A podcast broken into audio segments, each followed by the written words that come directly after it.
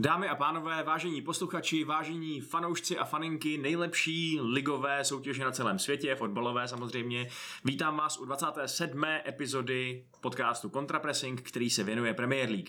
Spolu se mnou, Vaškem Pecháčkem, tady dneska sedí i Marek Helis, jakožto náš host. Ahoj. Zdravím. A samozřejmě můj spolu zakladatel, spolu šéf tady toho všeho, Honza Pikous. Čau. Dobrý den. Eh, My se dneska v tom našem dnešním podcastu pochopitelně musíme, musíme bavit o tom, co se stalo v Premier League o víkendu a to teda konkrétně o tom, co se stalo v neděli, protože to byl takový objektivně zábavnější den než ta sobota.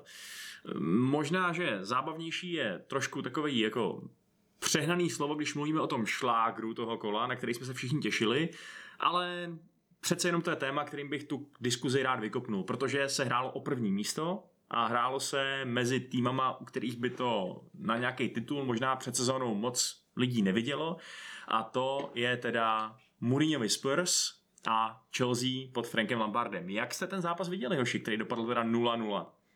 Já si myslím, že na ten zápas se dá dívat různě. Někdo by řekl, že ten zápas byl nudný, nebo dokonce, že byl nekoukatelný, což z mýho pohledu by bylo jako moc příkrý hodnocení.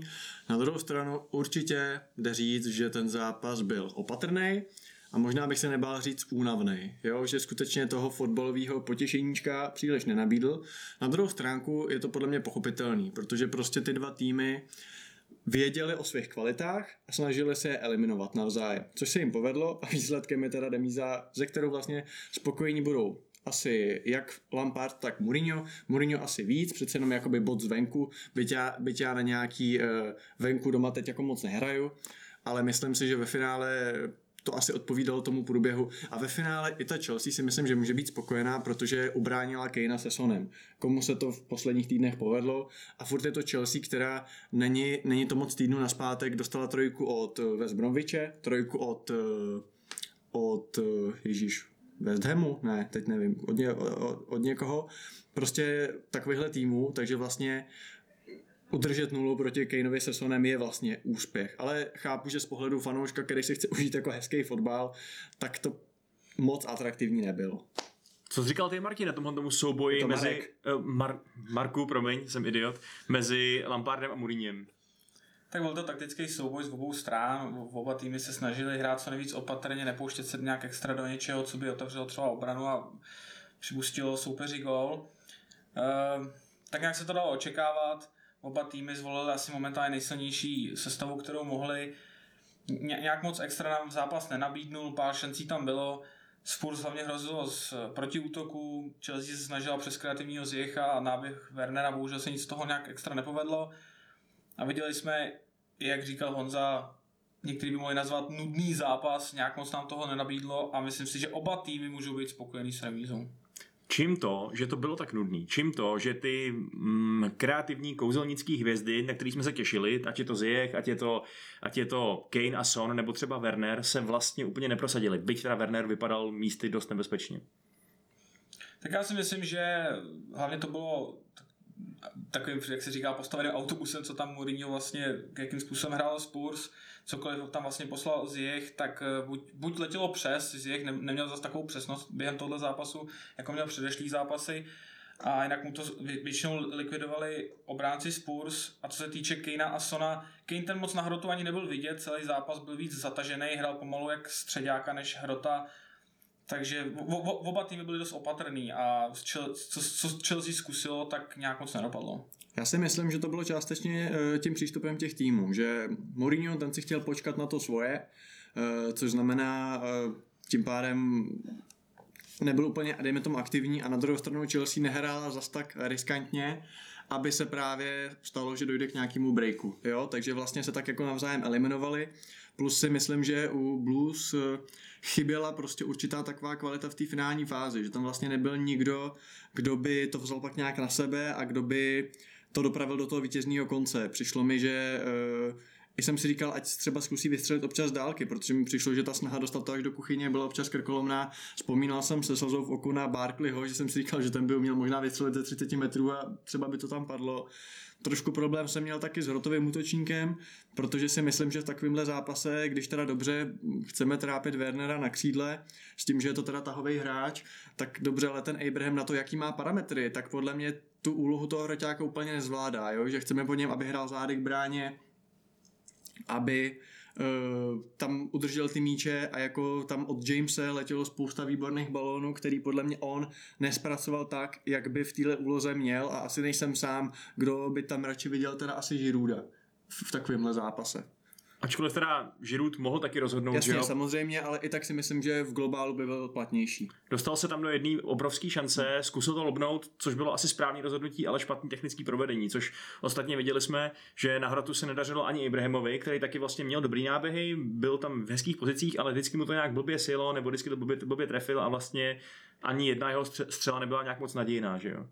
Takže jako ačkoliv by se určitě dal argumentovat, že mezi hráče zápasu uh, patří, patří teda Joris, který skvěle vytáhl Mountovou střelu, to byla ta jedna střela z dálky, která byla fakt hodně gólová teda, to byla krásná. Kovačič podle mě ukázal takovou svou obvyklou kvalitu.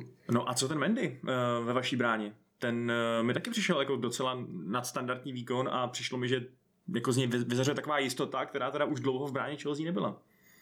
Vytáhl tam vlastně jednu střelu, teď nevím od koho konkrétně byla, co jsem koukal na statistiky, tak všechny centry prakticky odrazil pryč. Já si myslím, že oproti Kepovi je to příjemná změna, určitě, určitě větší jistota, uh, je, je znám a je, je vidět na hřišti, že se nebojí okřičet si i kapitána, který neplní třeba svou práci. A myslím si, že Mendy je o dost větší jistota než Kepa momentálně a předvádí jakože za tu cenovku, za kterou přišel, tak nemusí být nejdražší brankář, aby dokázal nejdražšího brankáře vyhodit ze svého postu. Já musím říct, že mi v tom zápase chyběl Pulišič od začátku. Já teda nevím, jestli byl úplně fit, ale eh, právě ta jeho dravost a ta přímočarost, eh, dostat se rovnou do vápna, namířit si to tam, to tam podle mě tomu trochu chybělo, že mi to přišlo místy taková házená, místy takový obehrávání, což Spurs eh, na to, že prostě hrajou opravdu poctivě do defenzivy a vlastně musím určitě ocenit jedno jméno a to je Joe Rodden. Já sice mu věřím hodně, myslím si, že to je skvělý nákup ze Swansea, na druhou stranu byl to jako křest ohněm v takovémhle zápase vlastně o 6 bodů. A zvládnul to skvěle. A obecně si myslím, že prostě mm, Spurs musíme brát vážně, protože prostě ten výkon byl svědomitý, byl prostě kvalitní a myslím si, že vlastně ten, ten výkon obou těch týmů byl jako dva boxeři, prostě super kvalitní těžký váhy, který proti sobě stojí v ringu a jenom se tak jako vyhrožují, ale vlastně do žádné akce nejdou, protože o sobě jakoby ví a bojí se, že ten druhý by je uh, punčnul tou zbraní, ať už u každého toho týmu je to trošku jiná. A proto ten výsledek byl vlastně, záleží, jak se na to budeme dívat. Jako někdo může říct, že to byla fakt jako nuda, pro mě to nebyla nuda, ale bylo to takový, jako že já vím, že ty jsi dobrý, hm, já vím taky, že jsi dobrý a budou se tak jako držet v šachu a výsledek je teda takový vlastně nějaký. Hele, já jsem nezúčastněný divák, no, nefandím ani Spurs, ani Chelsea a stejně mě to fakt dost bavilo ten zápas, ačkoliv to byla 0-0. máš poučené oko. Uh, vím, o co jde, taky jsem to vnímal jako takový šestibodák, ačkoliv to je trošku absurdní, protože jsme na samém začátku sezóny, že jo? Ale i tak mělo to takovej, takovej pocit z toho vyzařoval, že by to vlastně mohl být fakt důležitý zápas na konci sezóny, protože ty týmy oba jsou ve formě. Uh, ale teda uh, Marek říkal na začátku, ještě než jsme se vůbec, uh, než jsme vůbec začali nahrávat, že jemu to přijde nakonec, když se na, tím, na to podívá zpětně, jako dva ztracený body. Že mu přijde, že ta Chelsea měla vyhrát. Co se to myslíš ty, Honzo?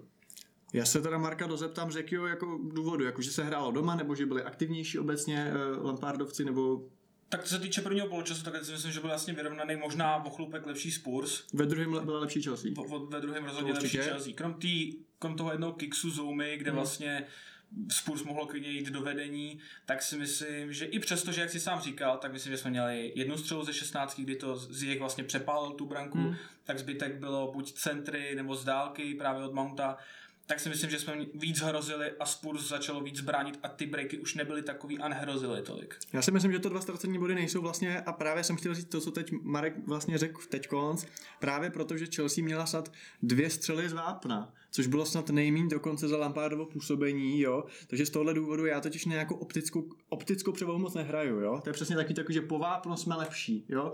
Z mého pohledu prostě ve finále ty vyrovnaní, eh, možná byly tam, nějak, byla tam šance Spurs, pak něco od Chelsea, že jo, ale ve finále ano, souhlasím, že Chelsea prostě hrála jakoby aktivnějc, ale ve finále mě, to, mě ta dělba bodu přijde jako, já bych to nenazval dvouma ztracenýma bodama, já bych to nazval jako vlastně dobrou, dobrou remízou pro oba. Mm-hmm.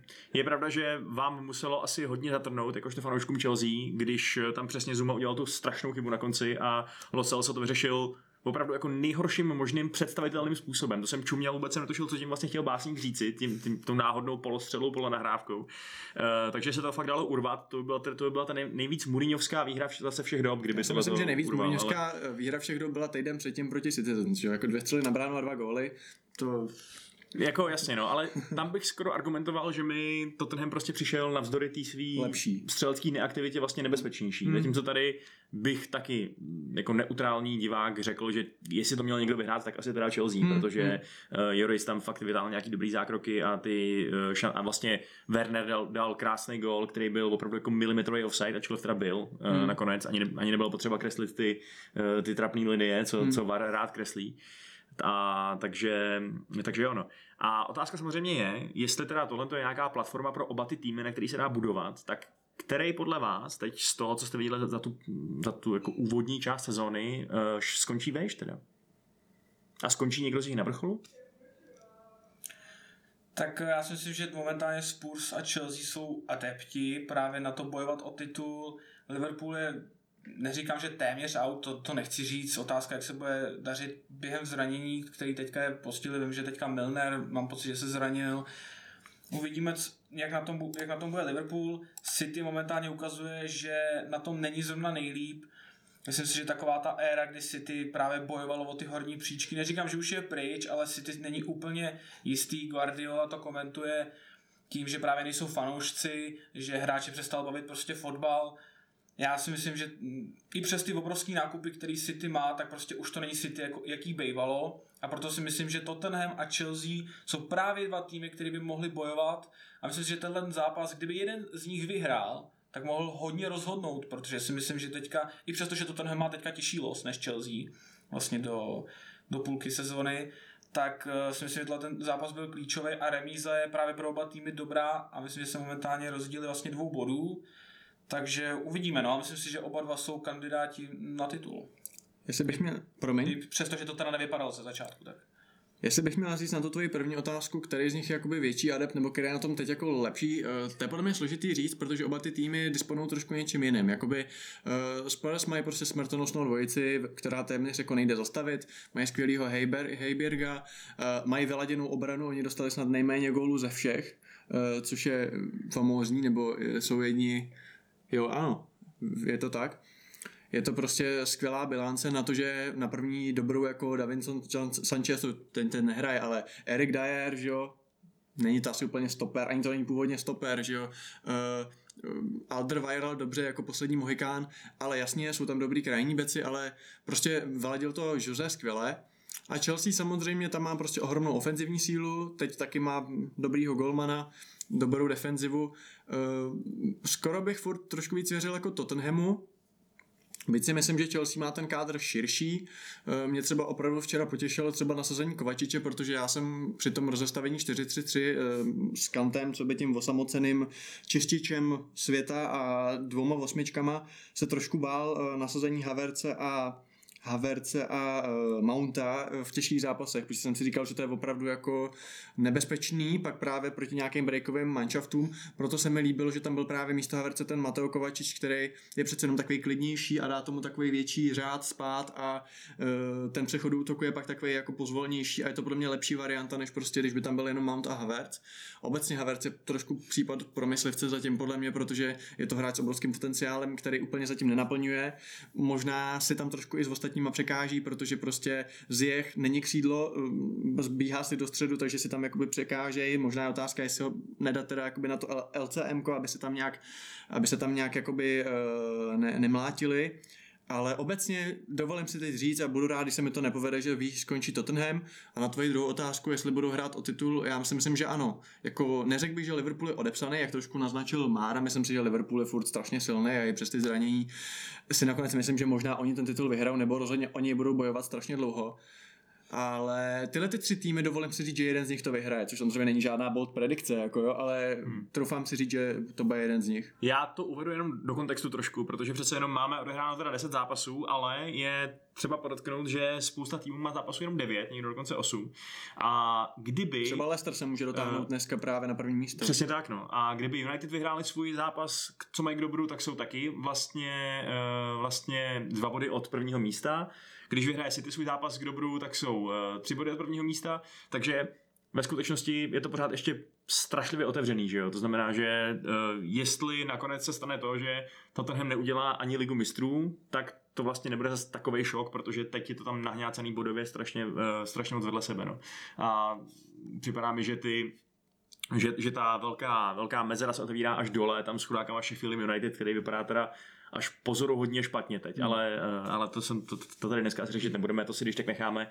Analýzu Wilderových chlapců si necháme na nějaký další podcast. Kdo ví, jestli to ještě budou Wilderovi chlapci v té době.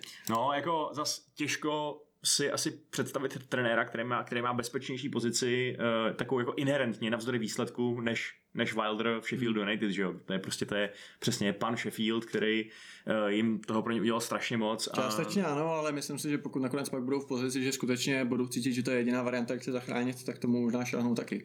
Já bych to viděl možná spíš jako případ Burnley, že jo, která taky se stoupila pod Seanem Dajčem, oni se ho normálně nechali, on je zase vytáhl zpátky nahoru a teď jako taky si těžko představit, že by Burnley za jakýchkoliv okolností vyrazil Dajče, i kdyby prostě byli poslední. Hmm. Uh, ale uvidíme, samozřejmě je možný, že jde o obrovský prachy, je možný, že opravdu šáhnou po jako těžko, těžko říct pokou, no. ten tým taky nemá moc velký prachy, takže jako početína nepřitáhne. Václav Kotal. Uh, tak to, tohle je bold predikce. to je jedna z nich teda. OK. Eh, hele, super, tak, tak šlágr máme za sebou, uh, tak si pojďme rozebrat další zápas nedělní, který nakonec byl výrazně mm, bohatší na zajímavé události a to je duel Manchesteru United se Southamptonem. Uh, je to duel, který vlastně tak trochu zaváněl Fergusonovskou érou v tom smyslu, že United prohrávali, vypadali, že moc neumí hrát fotbal a najednou dali v druhém poločase za půl hodiny tři góly a vyhráli, vyhráli vlastně tři dva góly v nastaveném čase. Je to takový to, je to podle vás známka toho, co, co často říkají v Anglii takový ty pandits, že ten tým, který chce vyhrávat, musí být schopný vyhrávat zápasy, když hraje špatně, nebo když prostě když to urvat ten zápas hmm. v poslední minutě, když vlastně předtím prohrával a tak dále. Jo. Vypadám to jako, jako lichotka vlastně pro Solskjaera, že se to Já bych v první řadě chtěl říct, že jsem ten zápas viděl ze záznamu, že jsem, protože jsem souběžně koukal na formuli, kde teda, jestli jste to věděli, tak Romain Grožán přežil vlastní smrt, to bylo jako hodně cool. Mm-hmm. Ale co se týče toho utkání, tak já s tebou nesouhlasím, nebo moje odpověď na tvou otázku zní teda určitě ne, že jako, protože podle mě špatně nehráli. Podle mě jste hráli dobře. Podle mě ten první poločas, paradoxně, byť se prohráli 0-2 vlastně se Southamptonem, týmem jakoby outsiderem, tak podle mě jste hráli jako vlastně docela fajn a ty góly byly fakt jako po debilních chybách, prostě po standardkách, prostě, že neuhlídáte si prostě WordProse, který jinak je hráč pro top 6 podle mě dlouhodobě ale jako vlastně jsem si říkal, pak jako oni hrajou jako dobře docela, jako, že to je, takže jsem vlastně věřil, jakoby, nebo věřil, mi to bylo jedno, ale věřil jsem v ten obrat, protože jsem viděl, že jako jste dobrý. A samozřejmě pak příchod, eh, příchod eh, útočníka Edenzona Cavaniho, který prostě ukázal, proč tam je a já jsem rád, že se mi trošku potvrdila moje predikce, že prostě bude dobrý, protože přesně ty zkušenosti a prostě kdyby byl na vysoké škole jako předmět jako hrotový útočník, tak už se to vyučuje on a má, je habilitovaný jako docent, protože prostě to, co předved, pohyb bez balónu a prostě myslím si, že ty vaši tři útočníci, neútočníci vlastně z toho všichni můžou z něj prostě čerpat. Jo? On asi nedá jako 20 gólů, ale myslím si, že může, může být strašně platný a, a v tomhle zápase to ukázal. Hmm. Jako do značné míry to byl přesně souboj dvou klíčových mužů pro ty dva týmy. Jako, ne, neříkám, že Cavani je klíčový pro mě nějak jako dlouhodobě, ale v tom zápase rozhodně byl, protože přišel na půli, eh, dal vlastně dva góly asistenci, opravdu to jako otočil a najednou i ten týmový tvar byl daleko lepší s ním, jo? že najednou eh, se vlastně nehrálo na nějaký divný diamant eh, s Fernandesem jako, jako falešnou devítkou, která moc neví, kde má, kde má vlastně hrát. Najednou tam byl, byl vlastně ten, ten ten centrální útočník v zásadě, který ho potřebuje i třeba Rashford, aby mohl hrát víc hmm. skřídla a tak dále. Uh, ale ty už si zmínil Jamesa Warda Prause, jak je sakra možný, že ten kluk, který prostě to umí s balonem nejlíp, s balonem, co se týče eh, toho balonu, který stojí na zemi a nehejbe se, eh, tak to s ním umí nejlíp od dob Davida Beckhama, tak jak to, že je pořád Southamptonu. Proč si ho ještě nikdo nevyhmátnul, aby jim prostě dal šest gólů z přímáku za, za sezónu? Já si myslím, že to je otázka času. Spíše pak zajímavá debata, ale to už teda posouváme od toho zápasu, to si pak můžeme dát jako mimo hru, který ten tým to je, protože zase on je takový relativně specifický eh, v tom, že skoro ve všech těch top týmech by měl nějakou jako velkou konkurenci, jo? že ten post, co on hraje, tak eh, já si ho třeba dokážu představit třeba v Chelsea, že by byl hrál zataženě, zataženě třeba s kantem, vytvářel by to jakoby z hlouby pole, ale spíš by ho tam jako chtěl, protože to je dobrý hráč, ale zase, že by mi tam úplně jako prděl, to taky říct nemůžu. United, Maj Fernandes je, že jo, jakoby do kterého týmu, týmu jako Arsenalu by se určitě hodil kreativní hráč, no. jako, ale to už neberu jako tým top 6 vlastně skoro, takže... Au. K tomu se ještě dostaneme no, dneska. No, takže, takže jakoby spíš si myslím, že v uvozovkách problém v tom, no. Ale jinak samozřejmě je to hráč jako kráva. Hmm.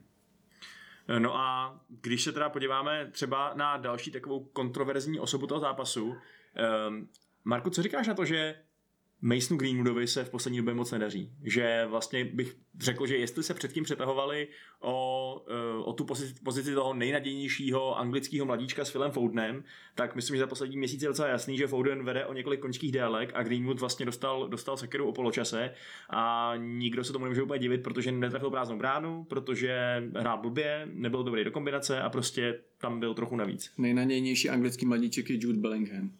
OK, jasně, tak to je ještě taková trošku jiná generace, že jo, protože ten je ještě o něco mladší, ale jasně, OK, to je další, který do toho silně promlouvá, ale teda zpátky ke Greenwoodu, jak to vidíš?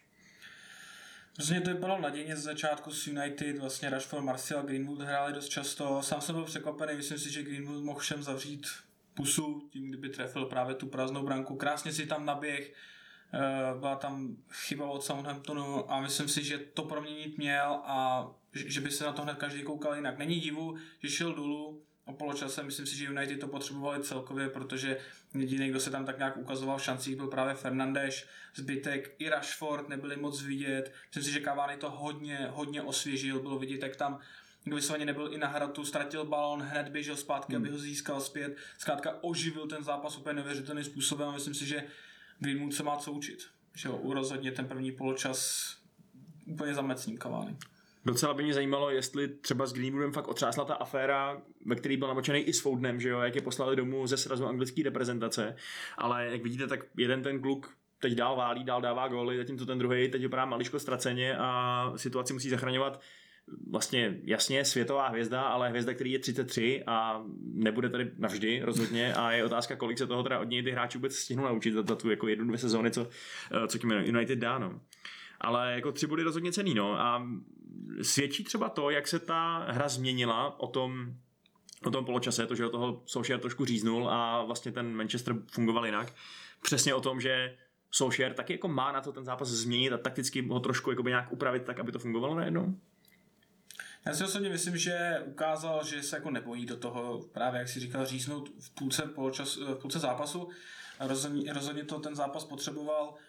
E, I přesto, že tam Cavani přines určitý osvěžení, tak dlouho vypadalo, že to nic nepřinese. Stále, jsem, řík, bavili jsme se o tom ještě ze začátku, když jsme právě začali, že z obou stran tam byly straš, strašná chybovost. Fernandeš byl strašně nepřesný při hrávkách a nevypadalo to, že i přes příchod právě Caványho se to někam posune ten zápas. Nakonec Cavani ukázal, že dokáže být skvělý žolík a že vlastně střídání během poločasu od Solšera byl skvělý tah.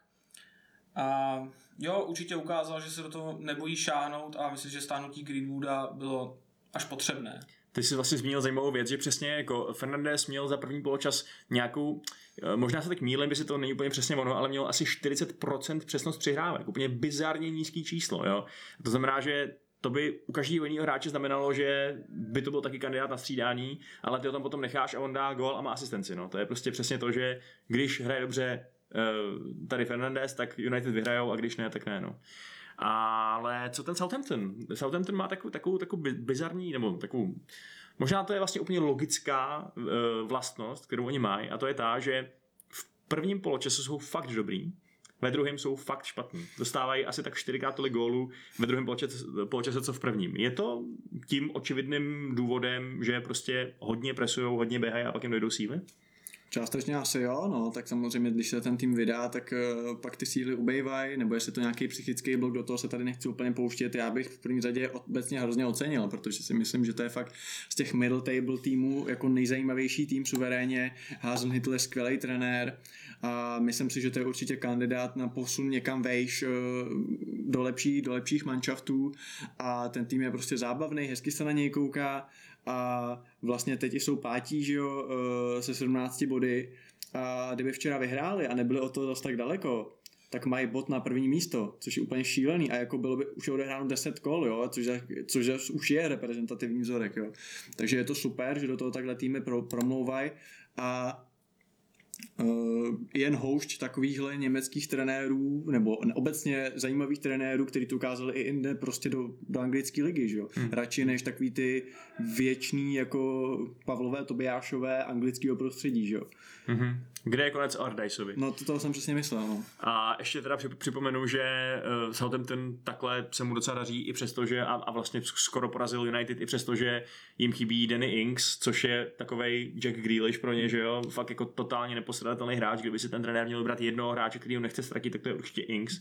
No, možná Ward Prowse. Já bych teda hlavně ocenil, že i bez toho Heiberga se jim jako daří, protože ten fakt jako by byl takový ten mozek středu pole a že vlastně i jeho dokázali jako nahradit, nebo jako hrajou dobře i bez něj. Můžeme si pobavit, jestli by tam třeba nemohl jít král, že jo, což je jako jiný typ hráče, to je box to box, ale uh, jenom tak jako týzu na další další téma. Yeah. Jo, tak uh, co bude Nevím, jako mě, mě se to hrozně baví a když si vzpomenu prostě, jak hráli pod Deburem, když se s nima porazila, poradila i Sparta, že jo, myslím. Myslím, že trénoval Debur v té době. Uh, ne, Inter trénoval, já stopletu, ale bylo to, byli v té skupině s Interem, já jo, jo, okay, dobře. Ale hráli hrozně. Uh, tak prostě dobrý, jako mám z nich radost. Mám. On, on tam jako dlouhodobě na té pozici toho defenzivního záložníka no já nechci říct září nebo exceluje, i prostě tam je Oriol Romeo. je tam. Odehrál tam, tam kolik, já nevím, prostě úplně, no, už mrtě zápasů, že já nevím, mm. za 200 nebo něco podobně šíleného, mm. no to možná ne, možná přeháním, omlouvám se, teď statistika, statistika mi vypadla, ale to je jiný typ hráče, že jo? To je prostě okopávač, bořič, to, hmm. ten ti toho moc nevytvoří. Což mimochodem vlastně... Což král taky ne, ale...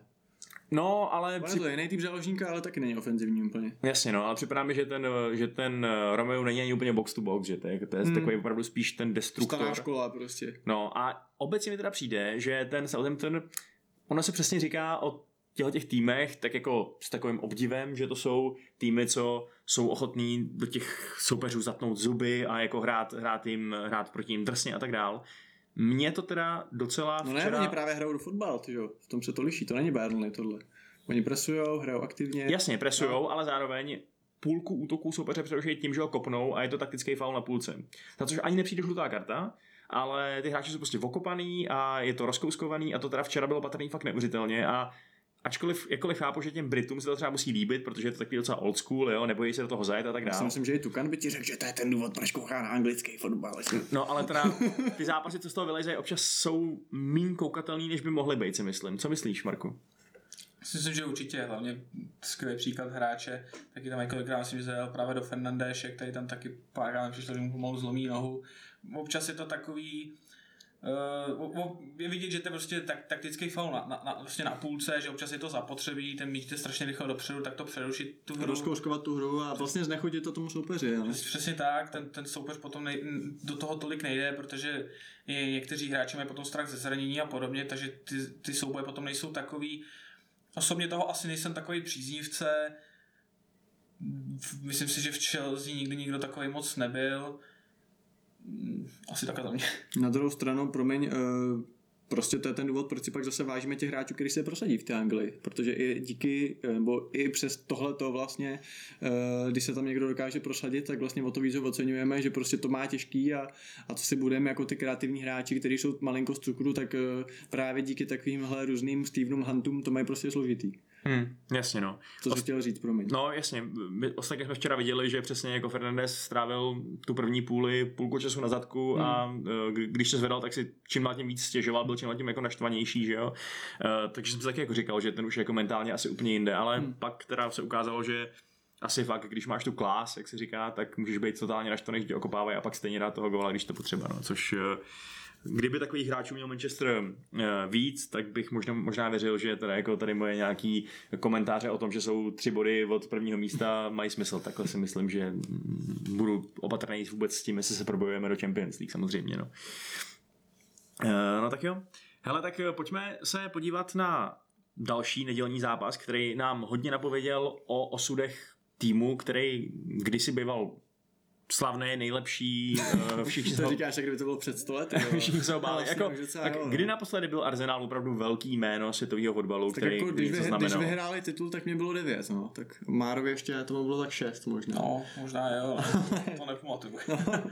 no právě, no, ono se to prostě ty, to, ta, ta fotbalová sláva, fotbalová prostě nějaká proslulost a úspěchy, oni jsou vlastně hrozně takový krátkodobý, stejně jako paměť fanoušků, že jo. Jakože uh, Manchester sice teda pořád žije z toho, že to je největší kupa v světě, mm. ale už taky, že jo, asi přibližně jako 8 let nevyhrál žádný titul, mm. a, nebo teda titul Premier League respektive. Mm.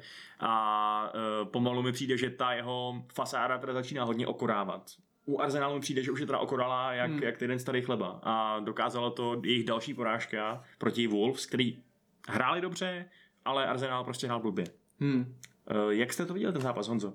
Já jsem to viděl tak, že u Arsenalu je to už opravdu setrvalá krize a není to o nějakým jednom špatným výkonu. Uh, oni vás porazili, že jo, mm-hmm. A jo, jo. tehdy se říkalo, jako, že to je, nevím, jak jsem ten zápas pamatuješ, ale jako, že jo, to je prostě teď Arsenal, to je přesně on nepřechytračil, jo, a prostě to je přesně ono, ale oni v té době jako furt prohrávají vlastně a, a ten výkon byl hrozný, jakoby tohle už je opravdu jako špatný a já myslím si, že nebudu daleko od pravdy, když řeknu, že kdyby Arsenal trénoval někdo jiný, kdo by neměl takový backup od fanoušku a nebyl tak milovaný, tak už, prostě, tak už na něj jdou s vidlema. Jo, protože když se podíváš, kolikátý oni jsou v tabulce a jak hrajou a prostě celkový ten obrázek a ten kontext, tak kdyby to trénoval prostě Franta Novák, tak už prostě ho chtějí vyhodit tím, že to je samozřejmě miláček a vysněný trenér a tak dále a dejte mu čas a on to má v sobě, tak prostě je to jiný, ale jakoby oni nehrajou dobře, Young mi přijde, že je to prostě, jak když se oženíš a do té doby ti vaří a uklízí a pak prostě, když už tě má jistý, tak se na tebe vypadne prostě a, a nedělá nic a, a takhle, mm. tak to mi přijde, že se přesně stalo s tím podpisem toho nového kontraktu, protože prostě ten je tak vyčáchlej, že je to úplně šílený a prostě hráč, který ho zdobila prostě taková ta agilnost a ta smrtonostnost, tak je prostě opravdu jak ten týden starý chleba, gabonský a blbý je, že on je to ale je jejich jediný jako světová, jejich jediná opravdová hvězda, když to tak vemeš, jo. Střed pole Jacka Sebajos, to je prostě průměrný jak štědrovečerní pohádka české televize, jo. Paradoxně defenziva, který jsme se vždycky smáli, Arsenalu je nejlepší teď. Což je jako úplně jako absurdní, když si to tak jako vezmeme, že, že vlastně jsme se jim vždycky smáli, že tam mají, mají ty Mustafie a, a, že každý zápas dostanou 8 gólů a že to je prostě úplně to. A oni paradoxně tu defenzivu fakt jako vyladili fajnově, ale cokoliv jakoby od od obrany dále šílený, protože tam není žádný přechod útoku, žádná přechod, je to pomalý, mm, přehrávky úplně mimo, prostě eh, do stran, eh, žádný prostě, žádná střela, žádný prostě nic a samozřejmě nemůžeme nezmínit prostě toho prokletého Ezila, jo, který ať je jakýkoliv, tak prostě člověka to musí napadnout, jako nevnuknul by tomu aspoň nějaký nápad, když oni tam takový hráče prostě nemají. A jako říkám si, jak to jako dopadne, jestli jako teda s tím budou něco dělat a jak, ale jako Arsenal teď fakt jako, mm, Vašku, my jsme se o tom bavili, že jo, je, že jako Arsenal to ten koho vidíme víc, že jo, my jsme si říkali, že je furt jako ten Arsenal, že jo, to, a teď se to ten vede ligu, jo, a a prostě Arsenal je na tom fakt jako špatně. A jako... To byla možná fakt nejhorší no. předpověď v historii tohoto podcastu. Asi jo. Eh, a je pravda, že ty jsi teda zmiňoval, že Arsenalu docela šlape ta obrana. No. Je fakt, že Gabriel byl ten eh, hráč, který dával góla na, na jedna jedna, Já že bych jo? jenom rád zmínil, že Gabriel včera překonal Gabriela eh, ve statistice Gabrielu, co dali nejvíc gólů za Arsenal vydal už dva a tam ten Gabriel dal jeden. Hezky, tak to je, to je taková níž statistika, ale, ale ceníme ji tady v kontrapresinku. Uh, a mimochodem teda jako zas, abych abych uznal něco eh, o Arsenalu dobrýho, tak ta standardka byla sehraná fakt hezky, jestli, jste ji viděl. Ten eh, jeden z mála dobře kopnutých rohů na krátko, co jsem za poslední dobu viděl. Já to nemám rád. Hmm. Prostě to narvě do vápna a on tam někdo prostě trefí tu hlavu, možná. Nicméně teda včera se úplně slávou nepokryli, že jo, protože fakt mi přišlo, že byli druhý u každého míče i v té obraně, že vlastně i ty dva góly byly dvě dorážky v podstatě od Wolves. A nějak mi prostě přišlo, jak kdyby ty Wolves byly takový naspídovaný oproti Arsenálu, který si zvládí prášky na spaní, nebo něco takového. Fakt všude pomalejší. Samozřejmě to úplně exemplifikoval Adama Traore, o kterém jsme se tady bavili v podcastu, co se s ním děje, proč hmm. nehraje a tak dál. No včera hrál byl super, že Prostě eh, terorizovali tam a tak dál, zvlášť tu zálohu přesně Šaka Sebajos, hmm. která je nesmírně pomalá. Hmm. To je úplně neuvěřitelný, jak nezvládali ty protiútoky v těch rychlých štírků na křídlech. Um, co si to myslíš, Marku, o tom zápase? Tak ten zápas asi jste to vystihli nejlíp. Arsenal prostě byl umíčes všude druhý. Už jenom ta první, myslím, že to byla první branka, vlastně ta podorážce, kde vlastně prostě jenom do, do, dorážka. Myslím si, že vůbec se tohoto nemělo stát, to byla velká chyba v obraně. Celkově, jak říkal Honza, myslím si, že to dost bude i postem manažera. Vím, jak jsme se bavili, myslím, že to byl vlastně druhý podcast, vlastně, co, co jsem tady byl, tak jak jsme se bavili o tom, že ho srovnávají s Emerym hned, Artetu, a že vlastně to srovnání je předčasné, že vůbec se to nedá srovnat s Emerym Myslím si, že to srovnat už dokážeme a že prostě i přesto, že fanoušci ho kryjou, samozřejmě já bych to asi jako fanoušek Chelsea říkat neměl, taky jsme minulou sezónu museli krýt Lamparda, protože v některých věcech byl taky ne, byl, byl to taky dost nejasný. A myslím si, že Arteta taky, no. Je to... Sám jsem překvapený z toho, že Ezil nehraje. Vím, vím, vím, jaký byl problém za Emeryho, ale takhle ho úplně odstavit a nedát mu vůbec šanci, za mě je to překvapení. A jak jste říkali, celkově ty zápasy Arsenalu, není to ono, těžko říct, v čem udělat změnu. Myslím si, že když, když je na hru tu prostě Auba, který právě rychlej, je právě možný, že se právě usadil po, tý, po, tý, eh, vlastně po tom podpisu, sezon, eh, po tom podpisu posledním, Těžko říct, osobně se mi teďka Arsenal vůbec nelíbí a, a co se týče Tottenhamu absolutně nesrovnatelný, myslím, že Tottenham je úplně na jiný úrovni. A je to fakt Artetova chyba? Není prostě spíš blbý, že má kádr plný lidí, kteří mají velký platy a nehrají, jako je třeba jim Sokratis, že jo, Mustafi a tak dál, e, nebo případně i Pepe, který taky, že jo, stál neskutečný peníze a je úplně, nebo není úplně k ničemu, ale rozhodně nehraje tak, aby ospravedlnil tu svoji částku je prostě možný, že Arteta je skvělý trenér, který ale nemá ty zdroje pro to, aby byl lepší než, eh, já nevím, jako do osmého místa? Jako je pravda, že Arteta už dlouho neměl říct, jako říct mu, jako bylo to vynikající Pepe, a on by mu řekl, děkuji trenére, pochvalu od Lobožníka, jako by mě vždycky potěší. Je taková, nahrávám jako herní, ve studiu herního serveru, tak jsem si to nemohl samozřejmě odpustit. Ale hele, jako tohle je strašně zajímavá věc, protože uh, já jsem zrovna včera četl a bohužel jsem zapomněl, kdo to psal, ale psal to nějaký novinář fotbalový, já nevím kdo. A ten právě psal, jako dejte Artetovi čas. Protože on prostě staví dům jako od základu a základ je ta obrana. Takže prostě to, že je blbej přechod do útoku a prostě všecko ostatní, to je prostě otázka času. On prostě začal, jakoby uklidil jakoby to přízemí a teď jako staví dál. Což je zajímavý názor. Já se to úplně jako nemyslím, jo, jakože ano, chápu, že nejdřív teda je dobrý jako je nějak naučit ty základní věci v té obraně, aby to nějak šlo, ale prostě to, že to je pomalý, to, že tam prostě fakt není hráč, který by tomu dal myšlenku, protože Jacka ani sebe to prostě nejsou. A nebude to ani ten Thomas Party, který se samozřejmě teď se to na ní dá jako svádět, takže je zraněný a tohle. On jako bude dobrý, ale nebude tam plnit funkci jako toho Ezila, že jo. A když chceš jakoby hrát takhle a zároveň tam máš ty tahový hráče jako Obama, který zase je z formy, jako já si myslím, že prostě to otázka času není a něco se bude muset změnit. A teď samozřejmě jsou jakoby několik možností. Eh, ty tady zmiňuješ ty hráče, o tom jsem taky přemýšlel, jestli třeba teda jako přivést nějaký jiný, nebo jsem o tom jako čet. Eh, jde o to za prvý, jestli krenkové do toho chtějí jako rvát vůbec něco.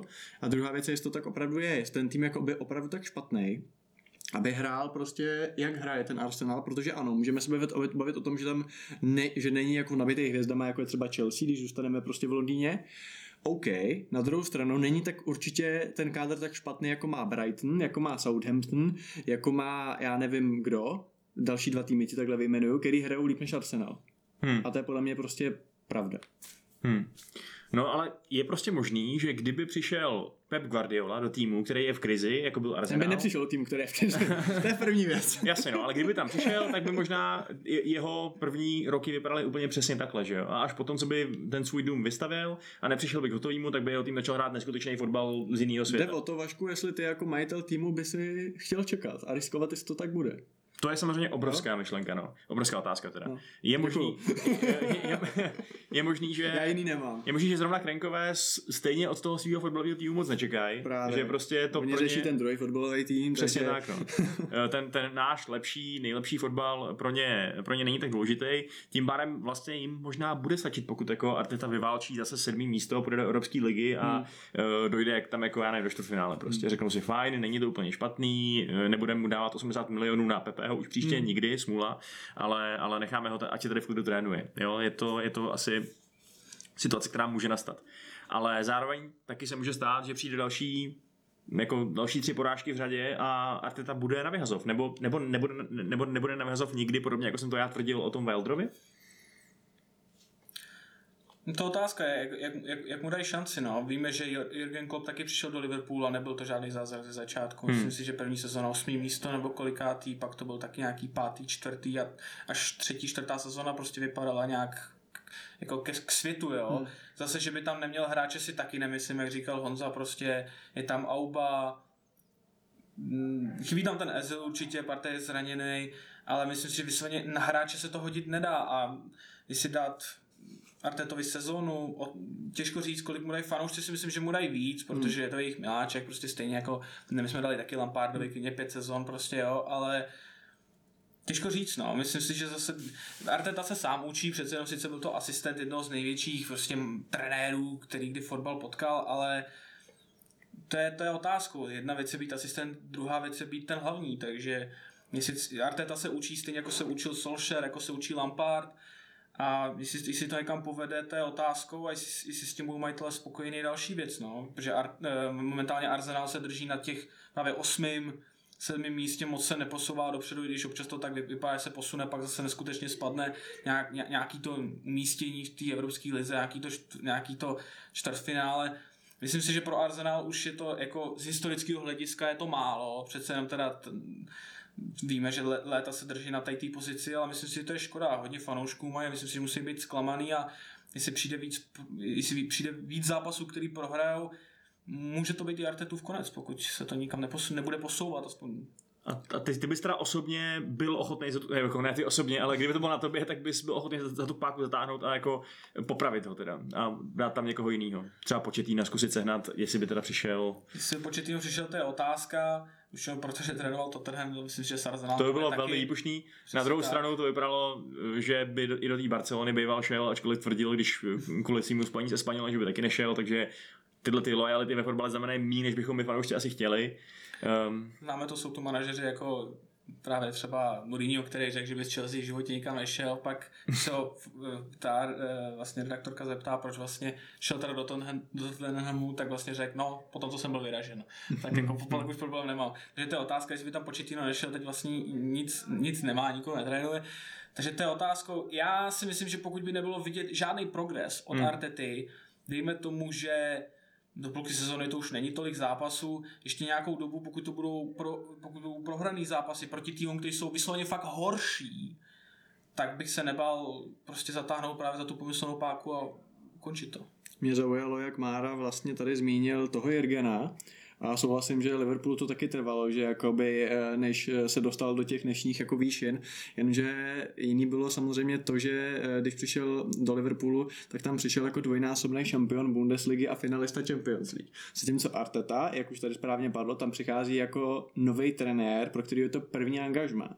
Ano, přesně, byl asistentem jako jednou z největších plešounů všech dob, ale na druhou stranu prostě furt asistent, on nikdy netrénoval. A prostě jako je to jiná pozice, hmm. Takže jakoby kde máš u něj jistotu, jako že to bude dobrý, když vlastně nemáš s čím porovnávat. On nemá žádný portfolio, jako to je to samé jako my, když už jako někde jsme a teď se budeme ucházet někde o místo, tak ukážeme CV, co jsme kde dělali. Když půjdeš někam po škole bez praxe a řekneš, já jsem tady pomáhal v Mekáči nebo to, tak v té situaci ten Arteta, jo, on prostě nemá čím by se prezentoval, aby oni mohli říct, hele, když mu dáme tři roky, tak pak bude hrát jako s tamtím týmem, protože není žádný takový tým, protože nebyl nikde. Mhm. Takže i to je otázka, jestli jako ten čas mu dát, protože ty nemáš jistotu, že prostě bude dobrý. Mhm. Protože třeba je to prostě průměrný trenér, to nemůžeš vědět. Nebo třeba je to dobrý asistent, který je výborný na konkrétní herní činnosti, ale třeba jako trenér stojí za prd. To prostě my nevíme ještě. Hmm, hmm. Já teda teď svedu řeč od trenérů spíš k hráčům, protože uh, byla samozřejmě zajímavá šokující situace, která se v tom zápase udála a to byla ta srážka hlavama mezi Chimenezem a Davidem, Davidem Luizem, po který Chimenez vlastně s um, praskou lepkou musel do nemocnice, už vypadá, že, že snad jako je v pořádku přivědomí, Vypadá to, že to snad nebude mít žádný dlouhodobý následky, doufejme, jako, jako to se to stalo chudákovi Ryanovi Masonovi, že, který musel ukončit kariéru kvůli vlastně velmi, velmi podobnému zranění. Uh, ale spíš mě zaujalo to, že David Luiz vlastně, uh, který dostal taky pořádnou řachu, v tom samém souboji. Tak pokračoval, tak ještě rozehrával standardky. Pokračoval ve hře, normálně tam hlavičkoval do míče, ačkoliv mu tou bandáží na hlavě celý, celý poločas prosakovala krev a až o poločase šel dolů.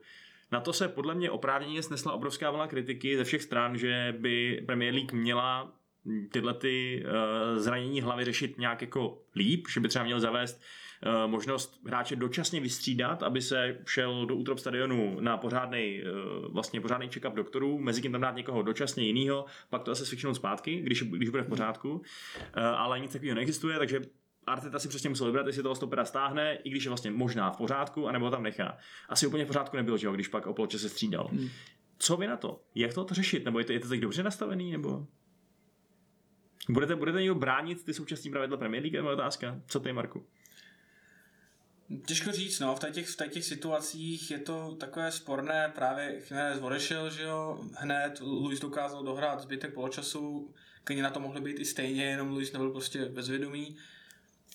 Těžko říct, bavili jsme se i teďka během, vlastně byla řeč i během korony, jestli by nebylo lepší mít na vystřídání pět hráčů, protože přece jenom program je strašně nabitý. Uh, právě Liverpool je jenom toho důkazem, že se každý druhý hráč pomalu zraní. Hmm. Některé pravidla tam jsou trošičku s otazníkem, bude to trošičku měnit fotbal, ale myslím si, že třeba pokud se to, myslím si, že zdraví je na, na prvním místě, ať je to, ať je to, co je to, prostě je to fotbal na, nej, na nejnižší, na nejvyšší úrovni, furt, by se, furt by jsme se měli starat hlavně o to zdraví. Já myslím si, že nějaká taková myšlenka není úplně od věci. Hmm. Co myslíš, Honzo? Přijde to jako, jako já zase chápu, že by to bylo docela radikální zásah do pravidel, že, jo? že by se to třeba dalo i používat eh, z hlediska trenéru jako, jako jaká taktická věc, ale lehni Bouch, si... Bouchni do hlavy nejlepšího hráče soupeře a těma na rodiny jako vyřadit ze zápasu, protože on bude povinně jim muset jít jako na kontrolu. No, například, no. A nebo naopak chceš udělat krátkodobý střídání kvůli rohu, tak najednou tvůj hráč se, mm, tvůj malý hráč před, před rohem se chytne za hlavu, že mě to bolí a tak dále. Hmm. Eh, ale na druhou stranu, že jo, prostě otázka je, jestli mají doktoři za tu minutu na čáře pod strašným tlakem, aby se ten hráč vrátil zpátky do zápasu. Čas tohle, na to, tohle je tak strašně složitý, že já si dovolím alibisticky se k tomu nevyjadřovat, protože chápu oba úhly, chápu ten pohled zdraví je na prvním místě, chápu i ten přesně jako pohled, že přece nebudeme ty hráče, protože to by se mohlo stávat i zkrát za zápas, jo? takže je tohle fakt jako, já nevím, Hmm. Je to tohle tak složitý téma, že vlastně ne, nemám na něj řešení. Hmm. Já si říkám, že takový, že vlastně takovýhle vážný nějaký zranění hlavy, který vyžadují to, aby ten hráč byl přesně, aby mu svítili baterkou do očí, aby viděli, jestli je jako v pořádku, tak se jako nestane to často, že jo? Jak často hmm. to vidíme v zápase Premier League, jako, no, v jednom kole Premier League, jako jednou maximálně mi přijde, není to moc častý. Takže by to možná fakt mohlo být jako taková úplně minoritní uh, úprava pravidel, na kterou bychom se ani nespomněli, kromě pár případů za sezónu. A nebo samozřejmě by to naopak mohlo být až moc velký zásah. No, hmm. těžko říct, uznávám, ale já jsem teda rozhodně pro, aby se s tím něco dělalo. No. Eh, no nic, když už jsme u Davida Luize, tak uh, můžeme přijít... to je výborný oslý můstek. To jako to cením. To no, můžeme přijít k našemu poslednímu Ale tématu. Teď, teď si přešel ten oslý můstek jako král. Děkuju, tak máme dvojitý oslý můstek, taková oslí dálnice přes nějakou řeku. A uh, ano, hodláme oslí se bavit dálnice o... přes nějakou řeku, to je, tak se bude jmenovat naše kapela. Hodláme se bavit o českém Davidu Luizovi neboli Alexi Královi. Ehm, je to téma, které bude blízké srdci všem slávistům, ale asi všem lidem, kterým záleží na český repre a na českých hráčích obecně. Ehm, Alex Král válí, poté, co, což je vlastně válí v Rusku, že jo, je spojovaný s přestupama do nejlepších lig světa, například Premier League, což bychom asi nečekali my, kteří jsme si klepali na čelo, když jsme ho podepisovali v Teplic. Já jsem si neklepal. Já jsem byl jeden z nich, takže já si musím sypat teď momentálně sůl uh, někam, uh, na, na hlavu, dejme tomu. A, uh, Tohle pak budeš muset potopit to vyšetření právě. já vím, že, hele, já vím, že teď budeme hodně fabulovat, vím, že nemáme nic, čeho bychom se mohli reálně odpíchnout, ale je to poslední téma, téma podcastu, je to bonusový téma, takže pojďme si fakt zaspekulovat. Mm-hmm. Příští léto Alex možná, Král, možná už, leden. možná už leden, Alex Král v Premier League. Kam a proč? Jo, Honzo. tak uh, Jako v první řadě si myslím, že ať mi tady řekneme cokoliv, tak on si to udělá nejlíp, protože já ho považuji skutečně za jednoho jako z nejcílevědomějších jako hráčů, který jsem jako zažil. Vlastně celá ta kariéra je protkaná rozhodnutíma, který na první pohled mohly vypadat kontroverzně, že se někde i ty lidi jako znepřátelil a tak dále. Ale ve finále zatím všechno, co dělá, tak vypadá, jako ví, proč to dělá. Takže já nepochybuji, že se vybere určitě dobře, že jo? Ale uh, do kterého týmu? Určitě bych šel do nějakého plníře, který jako nesestoupí, jo? takže nešel bych třeba do, fule, do Fulemu, jo? který si myslím, že by určitě takového hráče uvítal, ale tam bych prostě nešel už z principu. Uh, hodně se mluví o zájmu Brightonu, nebo, nebo jako řeší se, mluví se o zájmu Brightonu. To je přesně ten tým, který by podle mě byl ideální v tom, že by se tam zahrál. Zároveň si myslím, že uh, hrajou fotbal, kam by se takovýhle pressingový a aktivní fotbalista hodil. Hodně se mluví taky o West Hamu. Eh, vypadá to, že opravdu jako prezident klubu najel na taktiku, vezmeme všechny Čechy a prostě bude to jako dobrý, ale to bych mu prostě neradil, protože ten tým za prvé není jako dobrý, si myslím obecně, jako, nebo není dobře vedený a ne, prostě nerad, už si myslím, že třetí Čech jako ve Vezdemu by se mi nelíbil, to je jedna věc.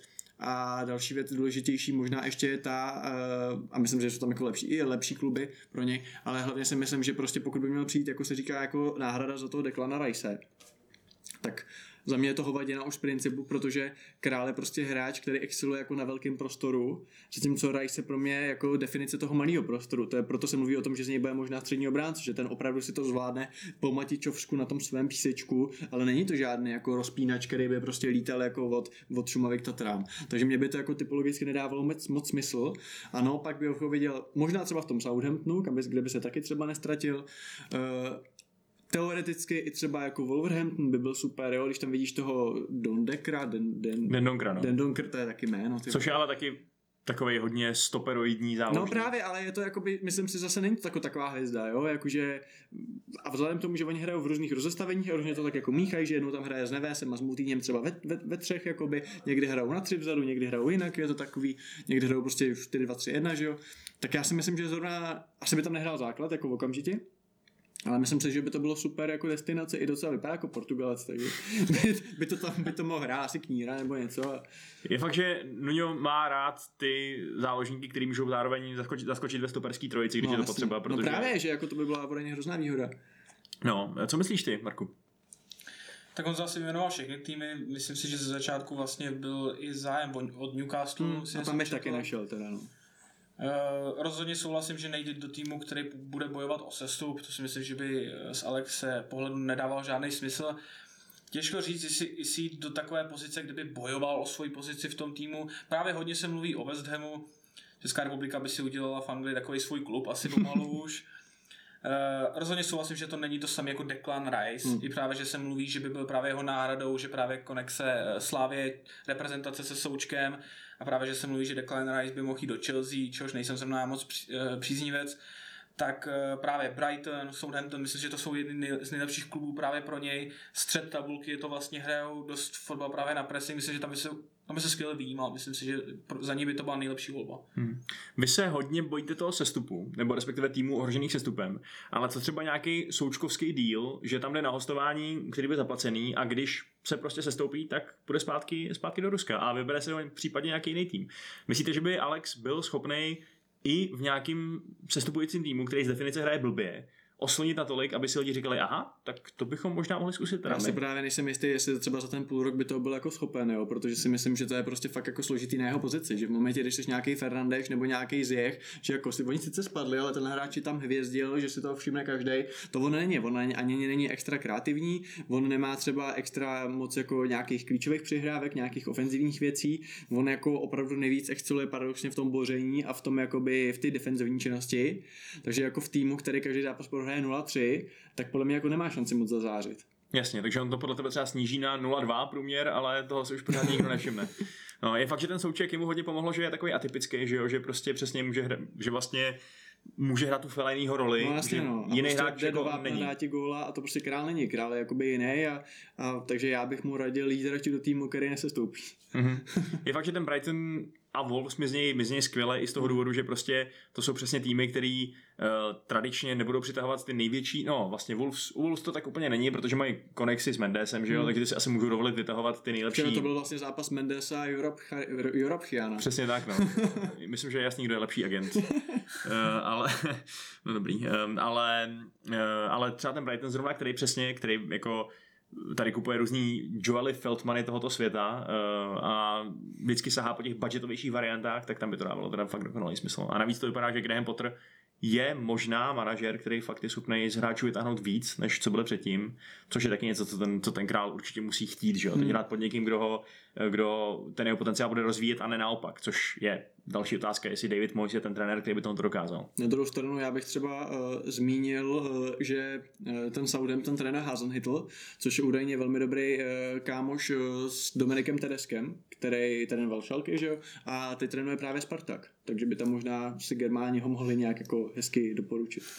Jo, tak to už je, to už je skoro až taková konspirační teorie. To není ale... konspirační teorie, to, že jsou jako přátelé, pravda. Jo, jo, Jako, okay. takže jasně, jo, jo, tak Ale samozřejmě to, jestli se baví jako o královi, nevím, jestli si volá jako tebe ten Alex, ten jasně, jasně. dobře. To je hezká myšlenka, no. I A když... jsou to přátelé, jsou to kamarádi a jako, když jsi zvyklý na německého trenéra, tak třeba by mu to vyhovovalo. Mm-hmm. Otázka je, jak by mu vyhovovala ta 4-4-2, že jo, kde máš jako jedno, jedno... napadá, že Hazen je možná Rakušan, ale tak německy mluvící. Je to Rakušan, no. No. Ale um, vlastně přesně musel by asi vystranadit buď toho Vorda Prause nebo Romeu.